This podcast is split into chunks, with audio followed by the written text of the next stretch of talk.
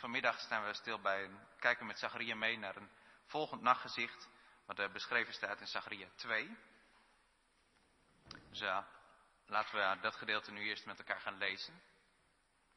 We lezen in Zacharia 2.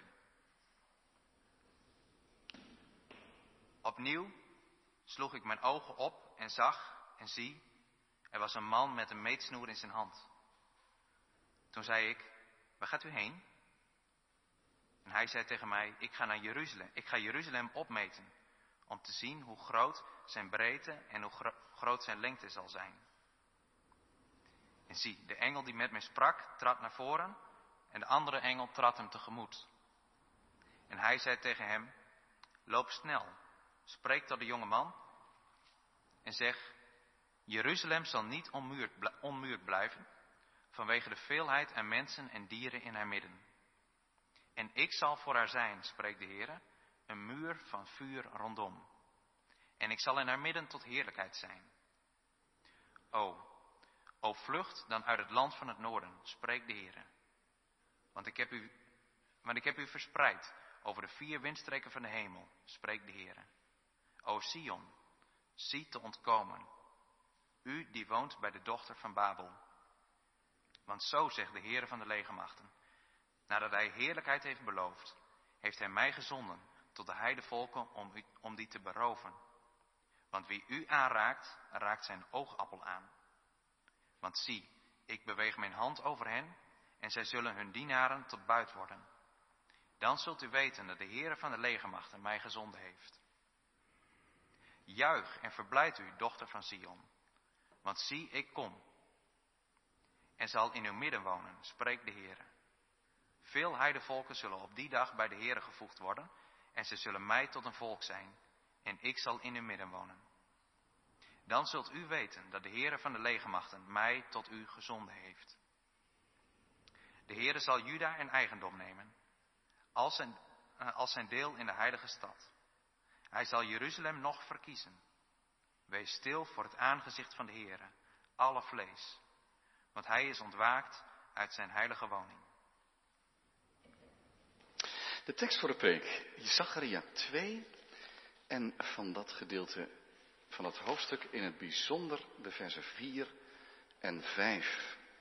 En in die versen lezen wij dit.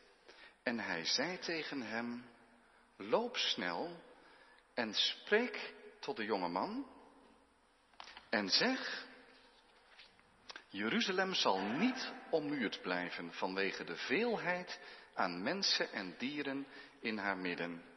En ik zal voor haar zijn, spreekt de Heer, een muur van vuur rondom. En ik zal in haar midden tot heerlijkheid zijn. Zachariah 2, vers 4 en 5.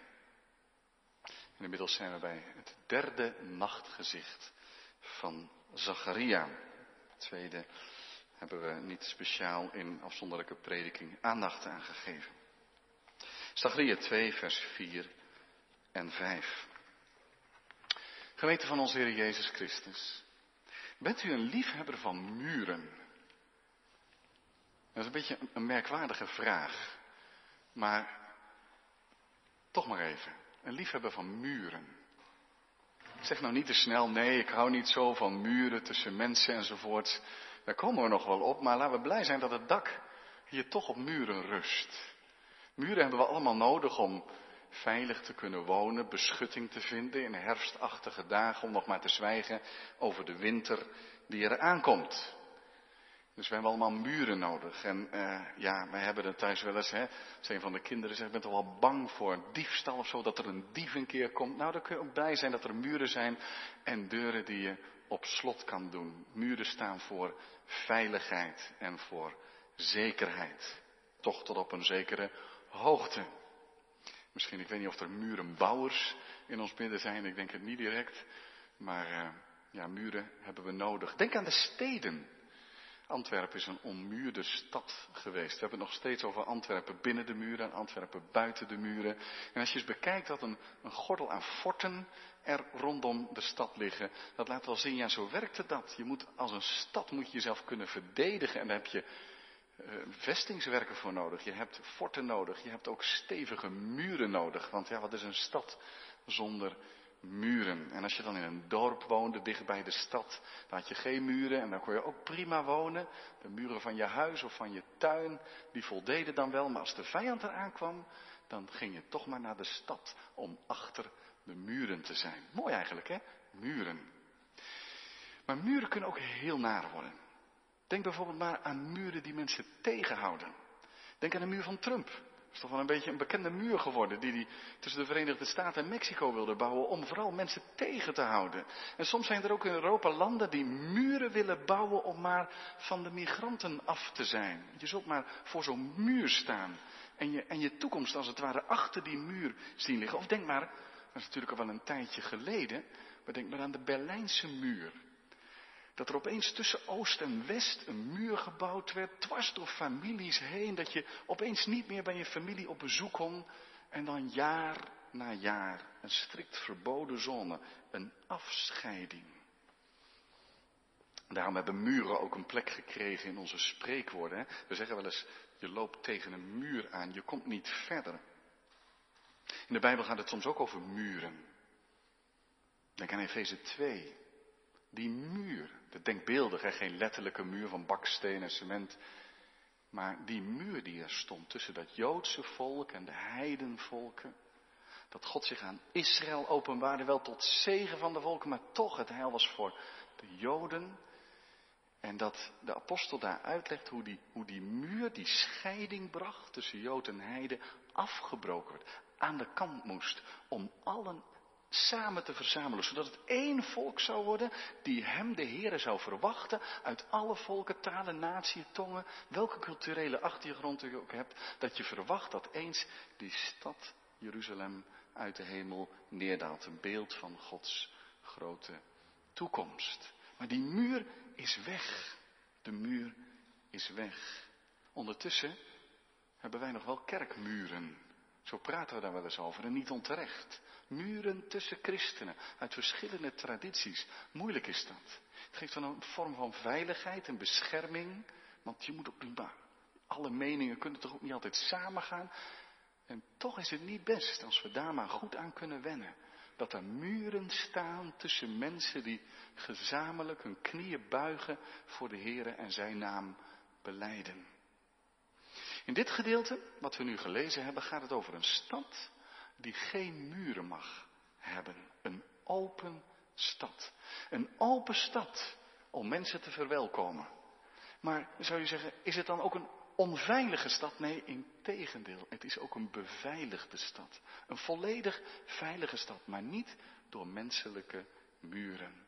De stad van God is het thema voor de preek. Of zo je wil, welkom in de stad van God. Ik herinner u even, mocht u het van de vorige keer alweer een beetje vergeten zijn, of nu voor het eerst in die nachtgezichten van Zacharia terechtkomen, maar ik zal u even kort introduceren nog in wat voor tijd Zacharia sprak. En misschien kunnen we ons dat een beetje voorstellen. Stel nou voor, ik zeg stel, want we mogen ons verheugen op veel mensen die weer naar de kerk komen, maar stel nou dat je door een of ander virus een tijd lang niet naar de kerk zou kunnen gaan. Stel. En dat na allerlei beperkingen en moeite, en het kon allemaal niet, dat er een zeker moment aanbreekt dat het wel weer mag. Je hoeft je niet meer in te schrijven, je mag naar de kerk toe. En stel nou eens voor dat in een gemeente een handvol mensen is die daar zeer naar uitgezien heeft. En die op die zondag naar de kerk komen met het gevoel, eindelijk, het mag weer. Want wat is er nou beter om gezamenlijk met de gemeente van God, met z'n allen, hè, om God te prijzen en naar zijn woord te luisteren, om ons te verenigen in gebed. En stel, want ik sluit niet helemaal aan bij de werkelijkheid, gelukkig, maar stel nou voor dat er maar een handje naar de kerk zou komen en om zich heen kijken en denken, waar is de rest? Waarom komt de rest niet? En het hele kerkelijke leven start weer op, maar het loopt niet, het wil niet. En de animo en het enthousiasme dat er in het begin was, dat, dat vlakt weg en mensen laten de schouders hangen en zeggen, het heeft allemaal geen zin meer. Waarom had je ook alweer de kerk nodig om te geloven? Ik zeg stel, hè? Ik zeg niet dat dat precies nu zo gaat. Integendeel, maar toch. Nou, wat een teleurstelling zou dat zijn. Maar als je dan eens verplaatst in de Israëlieten op de achtergrond van dit gedeelte. Wat waren ze blij toen ze uit ballingschap terugkwamen. Ik noemde de vorige keer daar Psalm 126 bij. Het was alsof we droomden. Het was zo geweldig. God heeft grote dingen aan ons gedaan. Het leek allemaal afgelopen. Het volk ging in ballingschap. Een, een, een, vreselijke schaduw viel over ons volksbestaan. Het leek allemaal klaar. Gods verbond, Gods belofte, allemaal over en uit. Ja, er waren nog wat beloften van die profeten, dat, dat er weer een nieuw begin zou komen. En dit brak aan en daarom juichten ze en ze kwamen terug in het beloofde land. En ze begonnen met de herbouw van de tempel en met de bouw van Jeruzalem opnieuw. Maar al gauw, we zitten in zo'n tijd van weer opbouw, al gauw was het enthousiasme weg. Mensen hadden er wel mee begonnen, maar ja, het was moeilijk. En, waar, waar, was de rest gebleven? Er waren er zoveel in Babel achtergebleven. Dat was eigenlijk zo teleurstellend, want ze konden die mensen wel gebruiken. Als ze straks de muren van Jeruzalem weer hadden neergezet, was de stad dan wel vol genoeg? Stonden die muren dan niet te wijd? En met die tempelbouw wilde het allereerst al niet vlotten. Mensen waren zich toch maar erg aan het bekommeren om hun eigen huizen en om hun eigen veiligheid. Het liep gewoon niet. En de mensen zeiden tegen elkaar, wat doen we dat allemaal nog voor? En je zou er moedeloos van worden. En is dit nu wat God ons had beloofd? Die prachtige belofte van de profeten dat God een nieuw begin zou maken. Daar merk je eigenlijk niks van. Het valt bitter tegen. En voordat je het weet, kruipt zo'n zo'n moedeloosheidje onder de huid. En je denkt, waar doe ik het allemaal nog voor? In die tijd stuurt God zijn profeet Zacharia. Die in één nacht acht visioenen krijgt, nachtgezichten. En in dit visioen, het derde visioen dat hij krijgt, ziet hij een jonge man met meetapparatuur. Wij zouden vandaag zeggen iemand van het kadaster. Dat heet geloof ik hier anders, dat heette vroeger hier het kadaster, maar tegenwoordig de administratie van opmetingen en waarderingen, heb ik me laten vertellen. Mensen met zo'n driepoot, is het niet waar? Die door glaasjes kijken, afstanden meten en alles in kaart brengen. Zodat als je ruzie krijgt over waar je de afrastering van je achtertuin zet, dat je dan kan terugvallen op de metingen. Alles is uitgemeten. Nou, zo'n man moet je maar voor je zien. Met zo'n oranje pakje aan, denk ik dan maar. Die is aan het meten. Op zich hoopvol. In dat visioen ziet Zacharia iemand langs de stad in puin gaan en die heeft die meetapparatuur, een meetsnoer bij zich. Dat is niet even zo'n zo'n uh, rolmaatje van drie meter, maar het gaat om grote afstanden, lange meetlinten en die zit daar dingen op te meten. Je zou zeggen, dat, dat is prachtig, dat is op zich al een hoopvol beeld. Want blijkbaar in alle desillusie, in alle moedeloosheid, is er een jonge man die zegt, ik ga niet bij de pakken neerzitten. Ik sta op. En ik ga meten. Waarom? Omdat ik geloof dat Jeruzalem herbouwd zal worden. Op zich dus prachtig en hoopvol. Als dat het visioen zou zijn, dan zou Zacharia er toch nog iets moois uit kunnen leren. En zou die naar de mensen kunnen stappen en zeggen, heb goede moed. God heeft mij laten zien dat er nog weer gebouwd gaat worden. De muren gaan herbouwd worden, want ik heb een mannetje gezien en die was aan het meten. En toch is dat niet de bedoeling. Want er treedt die engel naar voren, die engel die met hem sprak, laten we maar even de tolkengel noemen, en nog een andere engel, en die zegt, alsjeblieft, ga eens gauw naar de jongeman toe en zeg dat hij er onmiddellijk mee ophoudt. Stoppen met meten, want het is nutteloos en het is fout. Zeg hè, wat is dat dan? Wat is er aan de hand? Er wordt niet gemeten. Waarom niet? Ons vers zegt, um, je moet tegen die jonge man zeggen, Jeruzalem zal niet ommuurd blijven vanwege de veelheid van mensen en dieren in haar midden. Opvallend. Jij, zit daar allerlei dingen te meten, nieuwe percelen. Dus hij meet nog niet eens op waar de vroegere muren van Jeruzalem zullen staan. Hij is aan het meten waar de nieuwe muren zullen gaan staan. Misschien is die man wel heel gelovig en vol verwachting. En zegt hij, we zullen al die muren zo'n beetje of twintig opschuiven, zodat er ruimte genoeg is in de stad. Een hoopvolle man. Nee, stop ermee. Opbergen, al die meetapparatuur. Er wordt niet gemeten. Waarom niet? Er worden geen muren gebouwd. Jeruzalem krijgt geen muren. Wel heb ik ooit, dat kun je haast niet voorstellen. Een stad zonder muren, waar is dat goed voor? Nu zegt die engel, dat heeft hiermee te maken. Als jij meet en je meet optimistisch, dan zet je daar op een gegeven moment muren neer. Maar let maar eens op wat er gaat gebeuren. Je maakt je nu nog zorgen dat er straks maar een handjevol mensen in Jeruzalem woont, maar het zal anders gaan. Straks komen, komt het Joodse volk terugvloeien naar de stad Jeruzalem, meer dan dat er nu teruggekomen zijn. En dat niet alleen, er zullen zelfs heidenvolken komen. Want, doe dat meetlint weg. Want Gods plan is onmetelijk. Gods gedachten zijn onmetelijk. Gods genade is onmetelijk. Er staat geen maat op Gods ontferming. Zijn liefde kent geen grenzen. Moet je voorstellen, zitten die moedeloze mensen. Die tegen nog een stad in puin aankijken en zeggen, het is allemaal maar niks. En die tempel die gebouwd wordt, dat is het ook niet helemaal. Ziet er ook al niet zo mooi uit. Het is, zijn dit nou de beloften van God? Moet het nou zo gaan? Er zal een stad komen en die zal open zijn. Dat zal een stad zijn waar mensen welkom zijn. Er is geen muur. Er is geen hindernis. Niemand komt voor een muur te staan zoals migranten soms wel. Niemand komt voor een dichte deur te staan. En daarom klinkt er ook direct daarna de profetie van Zacharia in vers 6. Oh, oh vlucht dan uit het land van het noorden. Met andere woorden, uit dat Babelland waar ze nog in ballingschap zijn, wat niet iedereen was teruggekomen. Kom toch terug. Want God heeft plannen met Jeruzalem. En als je dan verder leest, dan blijft het niet bij de Joden. Niet alleen de Joden gaan toestromen, maar kijk eens in vers 11. Veel heidenvolken zullen op die dag bij de Heere gevoegd worden.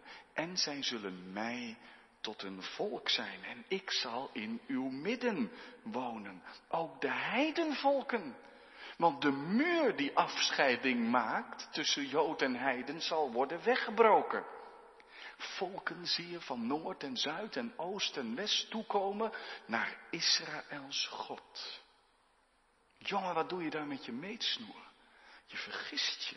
Het heeft geen zin, want je zult blijven bouwen aan de muren. Je zult ze steeds weer moeten verleggen. Maar het heeft ook geen zin hoe denk je dat je met je meetlatje kan gaan staan bij Gods grote plannen?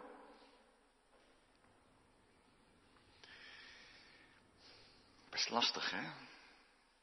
Wij staan uh, inmiddels met meetlatjes bij de voortuin, dingen uit te meten, hoe dat allemaal moet gaan worden. En als een kerk moet verbouwd worden, dan denk je ook niet te groot, want we moeten het wel kunnen betalen. En hoeveel zullen er komen en al dat soort dingen. En dan moet je, begrijp me goed, je moet goed beheer voeren daarover. En je verstand gebruiken. Maar deze tekst zegt ondertussen wel tegen ons hoe vaak staat u en jij en ik met een meetlatje in onze handen, met een meetsnoer. En zijn wij aan het rekenen en maken wij ons er een voorstelling bij, het zal zus of zo wel gaan. Trends volgen we, getallen over lidmaatschap van kerken die laten in West-Europa een dalende trend zien. Dan kun je, die lijntjes kun je als je wil zelf nog wel doortrekken. En, en dat lijkt dan het nieuwe woord van God te zijn. Ik zeg niet dat je er niet naar moet kijken. Maar staan we niet vaak met onze tabellen en statistieken en meetlatjes in de hand. En misschien niet letterlijk dat je voorspelt hoe het in de kerk zal gaan, maar dat je eigenlijk jezelf betrapt erop dat je weinig hoop hebt. Weinig hoop voor je kinderen en kleinkinderen. Weinig verwachting over wat God hier in Deurne in de wijk gaat doen en in de stad Antwerpen nog kan doen. En dat we eigenlijk met onze meetlinten staan en het gevoel hebben bij onszelf, nou we zijn nog best hoopvol. Want we staan nog wat te meten. We denken dat we wel bezig moeten in Gods koninkrijk. En dat we eigenlijk klein denken over wat God kan doen. Ik praat het hardst tegen mezelf en misschien ook tegen u. Met de duimstok en de rolmaat in de hand, bij Gods genade, om die te overzien. Wij meten. Wij willen het rekenen. Maar God zegt, ik heb mijn armen wijd uitgespreid om hele volkeren te verwelkomen. Wat een boodschap in dit nachtgezicht van Zacharia. Ben je bang dat het koninkrijk van God zo klein is? Houd het je bezig, komt het nog wel? Vergeet toch Gods belofte niet. Hij laat Zacharia hier even achter de coulissen kijken. In de plannen die God heeft. God zegt, hier klopt mijn hart bij. Bij een open stad. Omdat velen zullen komen. Maar is dat niet, en dan zijn we bij het tweede, is dat niet gevaarlijk dan? Is dat niet gevaarlijk dan? Het kan dan wel een open stad zijn, maar is het dan wel een veilige stad? Misschien dat iemand hier zegt, ja, maar hoe zit dat dan? Want Nehemia heeft zich toch ingespannen met Gods hulp om de muren van Jeruzalem te bouwen. En dat is ook zo. En dat mocht ook. Daar gaat dit visioen niet tegen in. Dit visioen laat iets zien waar Gods hart klopt. Hij zegt, wat, God zegt, wat ik voor mij zie, is een snel uitbreidende stad. Is een stad waar ik in het midden woon. Er is een toekomstmuziek in dit visioen. De Heere zegt, daar horen geen muren bij. Is dat niet gevaarlijk? Nee, zegt de Heere, kijk maar mee. Vers 5. En ik zal voor haar zijn, spreekt de Heere, een muur van vuur rondom. Een muur van vuur rondom de stad. Sommigen zeggen dat beeld komt natuurlijk bij die wolkolom en die vuurkolom vandaan. Want die wolkolom die, die zorgde voor beschutting. Maar weet je nog dat het volk Israël voor de Rode Zee terecht kwam? Linksbergen, rechtsbergen, voor je de zee, als ratten in de val. Want achter ze horen ze de Egyptenaren onder leiding van de farao al aankomen. En ze roepen, oh God, gaat verkeerd. En dan plaatst God de vuurkolom tussen de Egyptenaren en de Israëlieten. Als een bescherming, een vurige muur. Het zou best eens kunnen zijn dat hier daarna verwezen wordt. God zal zo zijn eigen stad, zijn eigen volk, zijn eigen gemeente beschermen. Anderen zeggen, ja, maar het is het beeld wat je ook terugziet bij herders bijvoorbeeld, die een kudde hebben, die, ja, als de schaapskooi in de buurt is, is het natuurlijk ideaal, hè? Dan gaan ze binnen de veilige muren van de schaapskooi en neemt de herder plaats in de ingang. En zo kunnen de wilde dieren niet bij de kudde komen. Maar als die muren van de schaapskooi er niet waren, dan maakten ze allemaal kampvuren in een kring rondom de kudde heen. Als het ware als een vurige muur om al die wilde dieren op afstand te houden. In ieder geval een muur van vuur als bescherming hier van de stad. En God zegt, ik geef je niet alleen veiligheid en bescherming, ik ben het. Ik ben jullie bescherming. Ik ben jullie veiligheid. Ik sta daarvoor in. Dat een diepe en rijke boodschap voor Gods volk. En ook voor de gemeente van Christus vandaag de dag. Ook wel tegelijk met dat het een rijke boodschap is, een beschamende boodschap. Waarom? Net zei ik al even, het gevaar is dat we met meetlinten in de hand staan. En met te klein denken, te klein denken over de genade en ontferming van God. En misschien komt dat omdat we graag muren bouwen. Wij willen de gemeente bewaren. Behouden. Bewaren op de goede weg achter de Heer Jezus aan. En dat is goed. Maar soms zoeken we de veiligheid en de bescherming van de gemeente misschien wel in onze kracht. In de dingen die wij kunnen organiseren. In alles wat wij kunnen beheersen, wat wij kunnen optuigen. We redden het nog. En dan bidden we er ook nog een beetje bij.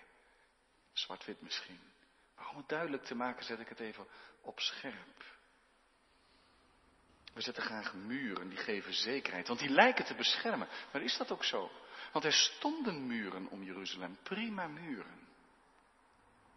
Maar toen God zei, als je niet bij mijn verbond blijft, dan zullen die muren gaan vallen. En zo kwam het volk van Babel. En de muren vielen. En ze hadden daar hun zekerheid op gevestigd. Jeremia heeft nog zo gezegd, stel niet je vertrouwen op die muren, zelfs niet op het huis van God. Want als je God verlaat, dan gaan die muren, die gaan weg. Die zullen afgebroken worden, steen voor steen. Waar blijf je als je je zekerheid bouwt op spullen, op stenen muren, op je eigen vestingen, op je eigen georganiseerde veiligheid? Want als de Heere God zegt, ik ben zelf als een vurige muur rondom jullie heen, dan zegt God daarmee ook, en als ik er niet ben in jullie midden, dan is er geen veiligheid. Dan is er alleen maar kwetsbaarheid. Dan is het een verloren zaak. Alles hangt af niet van onze muren, maar van de aanwezigheid van God zelf, die beloofd heeft om een muur van vuur rondom zijn stad te geven. Dan beleiden wij ook, ook over de gemeente van vandaag de dag, dat Christus het is, niet wij, die zijn gemeente verzamelt. En als we bidden om de komst van zijn koninkrijk, dan bidden we, bewaar en vermeerder uw kerk. Bijna alsof we aan Zacharia 2 denken. Dat het vermeerderen mag, zodat de muren die wij bedacht hadden al veel te klein bemeten zijn. Maar ook bescherm en bewaar uw kerk. En dat baseren we, dat gebed, op het woord van Christus zelf. Dat wat er ook gebeurt aan dwaleer, aan zorgen in de kerk, aan aanvallen van buiten, de poorten van de hel, zullen mijn gemeente niet overweldigen. Dat is de veiligheid van de kerk. Nergens is een gemeente van Christus veiliger dan waar God zelf in het midden is en we leven van de leiding en de genade van de Heer Jezus Christus. Daar is de gemeente veilig en heeft die toekomst. Het meetsnoer moet aan de kant. Het vertrouwen op de muren die wij bouwen mag niet ons vertrouwen zijn. God is getrouw. En zijn plannen falen niet. Hebben wij soms de toekomst van de kerk in handen? Hebben wij de toekomst van deze gemeente ook maar enigszins in handen? We leven bij de belofte van Jezus Christus. De poorten van de hel zullen mijn gemeente niet overweldigen, omdat die gebouwd is op het fundament dat Christus, de Zoon van de levende God is. De Messias, de Christus, die komen zou. Zo bewaart de Heer zijn gemeente door de meest moeilijke tijden heen. Hij bouwt en bewaart zijn kerk. Er mag wel wat vrolijkheid in de gemeente zijn. En ontspannen vertrouwen, omdat de gemeente werkelijk in de handen van God en in de handen van de Heer Jezus Christus is.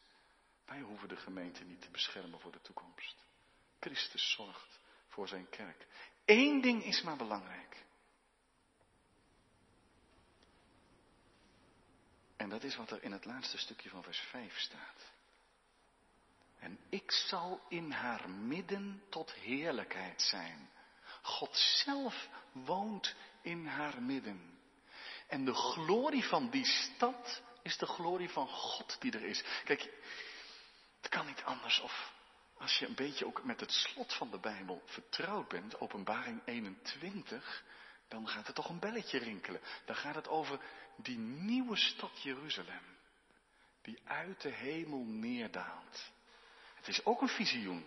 Nu niet een visioen van Zacharia, maar een visioen van Johannes op Patmos. Hij ziet dat in die toekomst van God die stad Jeruzalem uit de hemel neerdaalt.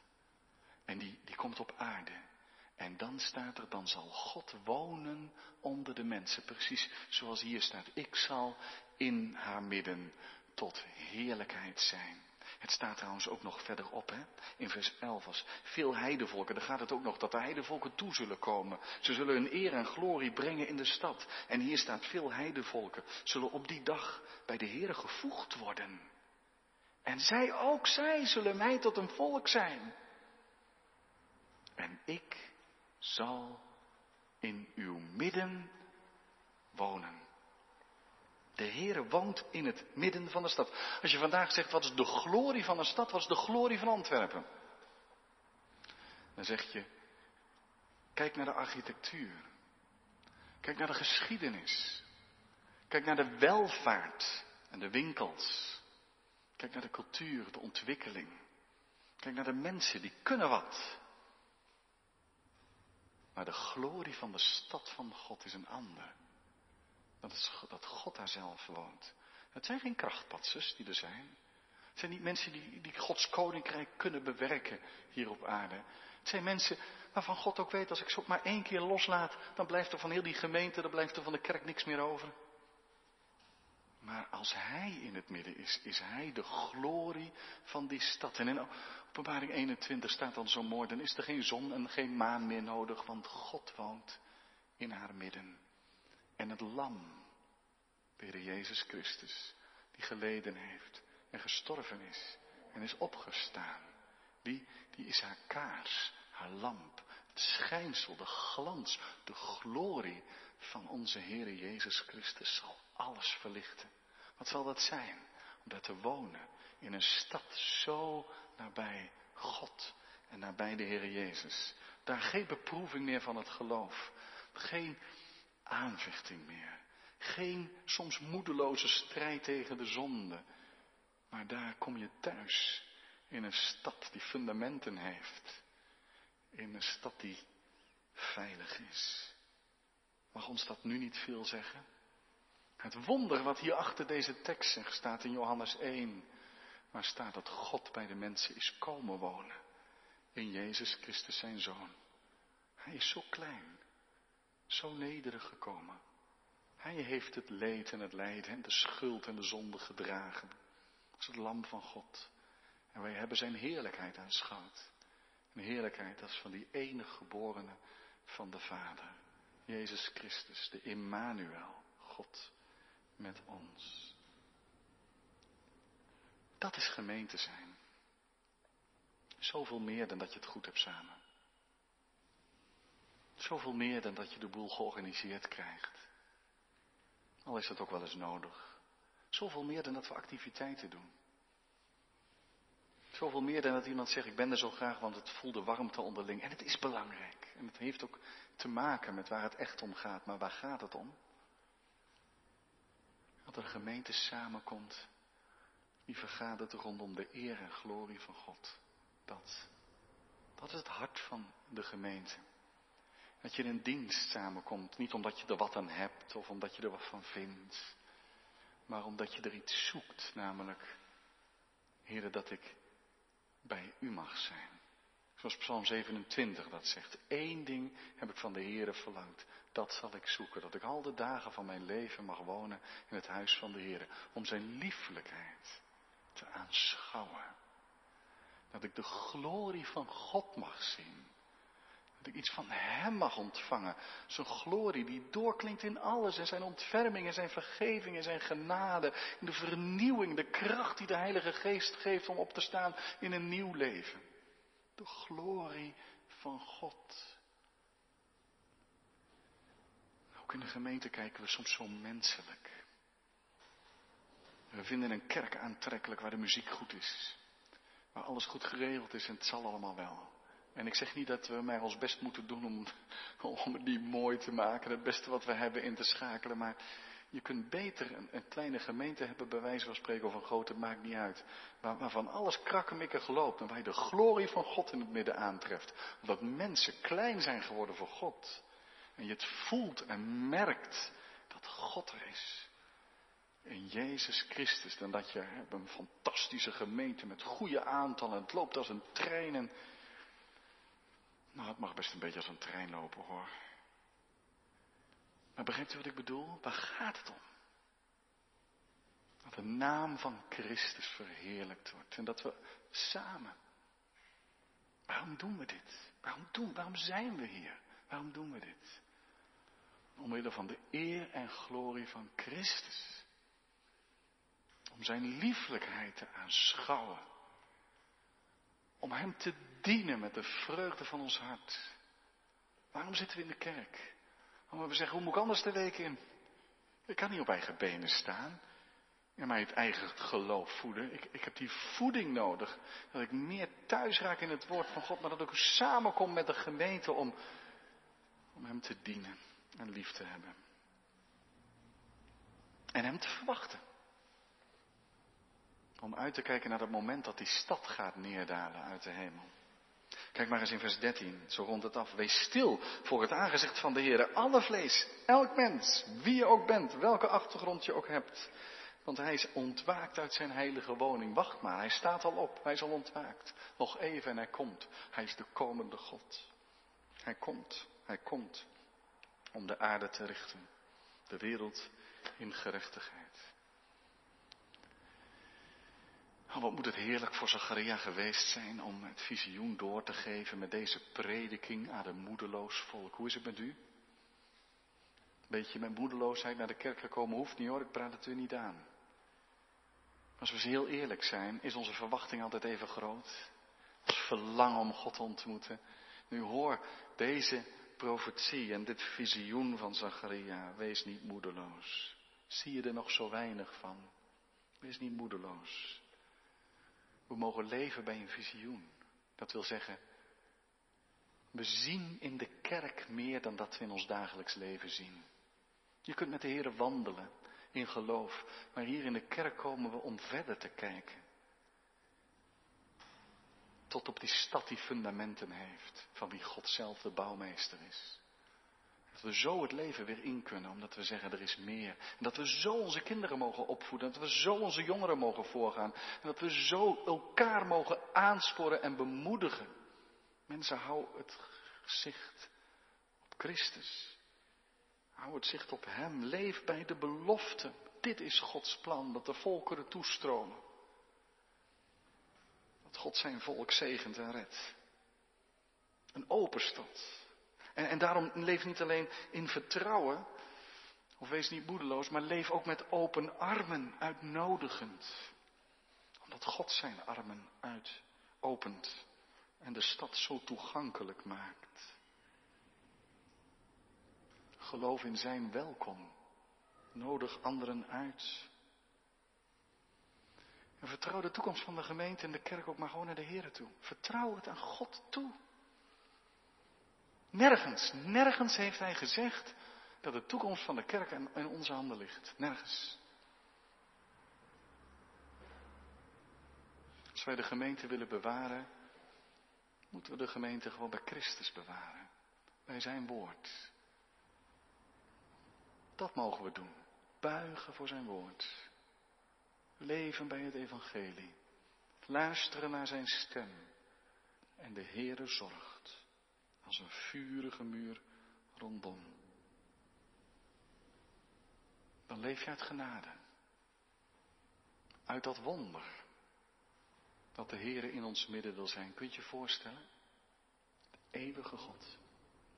Die geen begin en geen einde heeft de Heilige, die ook in zijn gemeente hier wil wonen. En jij mag erbij zijn. Je bent al horend bij die volken die reeds toegekomen zijn. En wie zullen nog volgen om tot in eeuwigheid God de lof te zingen? Of ben je zelf nog niet de stad toegetreden? Leef je nog niet in die hoop? Wees welkom. Welkom in de stad van God. Laat dan maar gelden en maak het je gebed. Ik denk aan muren, dat ik niet bij u mag komen. Maar er zijn geen muren. Er is een open stad.